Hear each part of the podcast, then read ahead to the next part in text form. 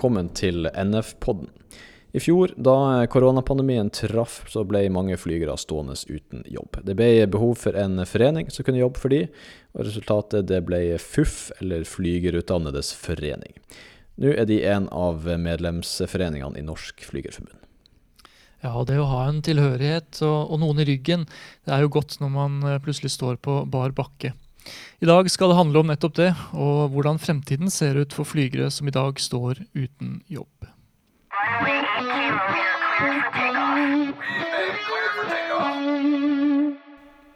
Audun Vikestad, leder i Flygerutdannedes forening, velkommen. Takk for det. Flygerutdannedes forening, eller FUF, er ganske nytt. Kan du fortelle om hva det er? Flygerutdannedes er jo en forening som ble startet opp nå midt under covid-pandemien. Eh, litt av bakgrunnen for at foreningen ble startet opp, er jo at det var jo mange flyselskap i Norge og verden var jo i krise. Veldig mange piloter ble sagt opp. Eh, det gjaldt jo da selvfølgelig også i Norge.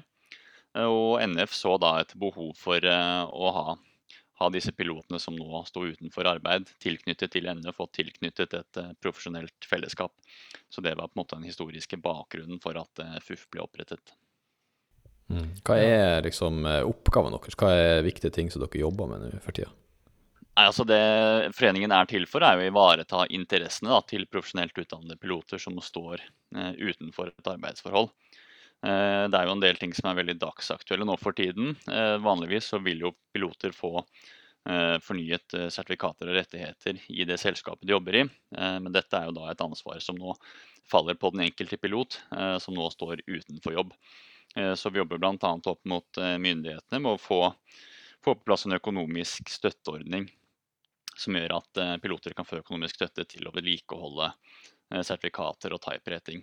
For dette er jo fornyelser som koster veldig mye penger å, å vedlikeholde. Da. Så det er en måte vi jobber litt for å hjelpe piloter å bevare sin kompetanse gjennom pandemien. Mm. De her eh, pilotene som er organisert i FUF, hvem er det? Vi vet jo mange forsvant fra eh, SAS her i 2020, men eh, er det noen flere som er med i, i FUF?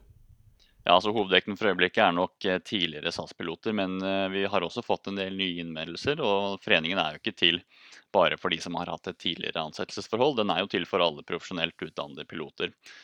Så også de som har nylig gått ut fra en flyskole og som er ferdig med utdannelsen, er hjertelig velkomne i FUF. Og nå pga. pandemien så er det jo mange av medlemmene som forventer å, å komme tilbake til sine flygejobber. Så, så, det betyr jo også at de kommer til å miste mange av medlemmene eh, når pandemien da er eh, over, er det riktig? Ja, det vil jo stemme det. Dette er jo en forening som er eh, ja, for de som står utenfor et arbeidsforhold. Så i det selskapene eventuelt begynner å ta folk tilbake, så vil jo de måtte melde seg ut av FUF da, eventuelt da inn i, tilbake inn i sine gamle flygeforeninger i det selskapet der de arbeider. Mm. Så hvordan føles det da å være leder for en forening hvor man, hvor man kanskje håper at medlemmene skal forsvinne? Jo da, det er jo litt spesielt. Vi er nok sannsynligvis den eneste fagforeningen da i, eh, under NF som som på en måte ønsker at eh, medlemmene skal forsvinne til andre pilotforeninger. Så det er jo litt tosidig. På den ene siden så ønsker vi å organisere flest mulig av profesjonelt utdannede piloter i Norge som står utenfor et arbeidsforhold. Men på en annen side så, så vil vi jo veldig gjerne at de medlemmene vi har, får seg pilotjobber eh, et eller annet sted og da melder seg ut av vår forening og inn i en selskapsspesifikk forening. Så det er, det er litt tosidig og litt spesielt på en måte. Men sånn eh, framtidig, hvis man skal se litt lenger, så vil jo etter hvert, forhåpentligvis får vi si da, noen forsvinne ut fra toppen. Men vil det altså Forventer dere at det skal komme et innsig fra bunnen med nye folk fra flyskolen? og sånt? Skal det være for å spørre sånn, skal det være en forening som har en eh, misjon også post korona?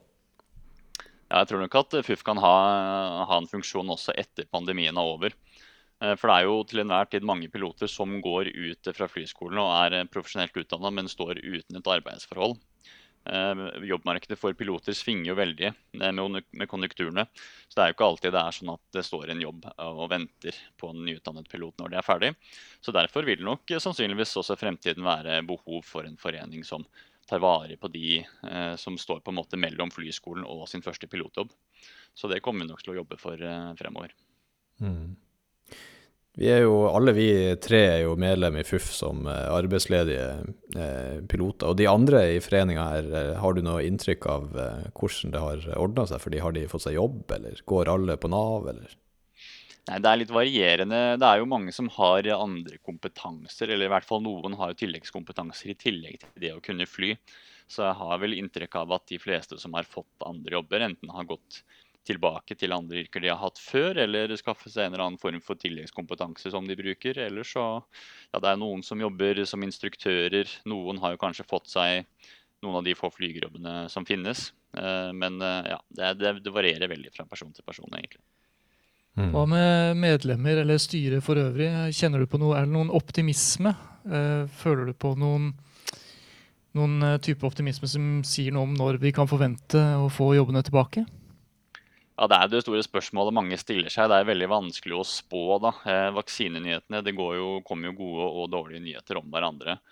Eh, og det er jo Selskapene selv sliter jo litt med å forutse når de eventuelt kan ta tilbake folk, og når, når man kan begynne å reise og trafikken vil ta seg opp igjen. Eh, men vi tror nok at det vil være et behov for mange av pilotene som nå er arbeidsledige i fremtiden. Så det ligger en grunnleggende optimisme der i bunnen. Det gjør det absolutt i ehm, ja, 2019 og starten av 2020 så var det jo en, en god del folk som starta på flyskole. Alle piler peka oppover, og alt tilsa at de her kommer til å få seg en, en god jobb i luftfartsbransjen innen ganske kort tid etter de var ferdig.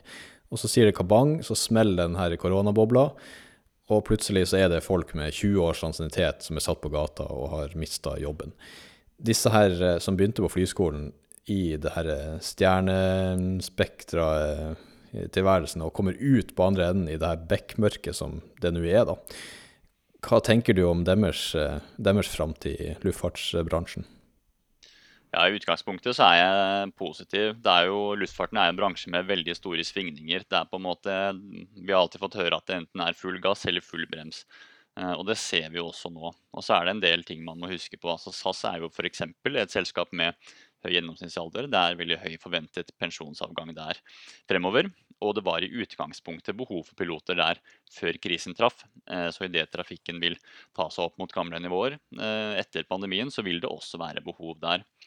Eh, I tillegg så er det jo veldig mange nye satsinger nå. Det startes jo nye flyselskap. I Norge har vi jo Flyr, og det vil sikkert komme mange flere også. Så dette her vil jo skape en del muligheter når trafikken tar seg opp. Og det kan jo gå går veldig fort. Det snakkes jo om en, en ketsjup-effekt, at alle skal ut og reise på en gang når det først eh, åpner opp.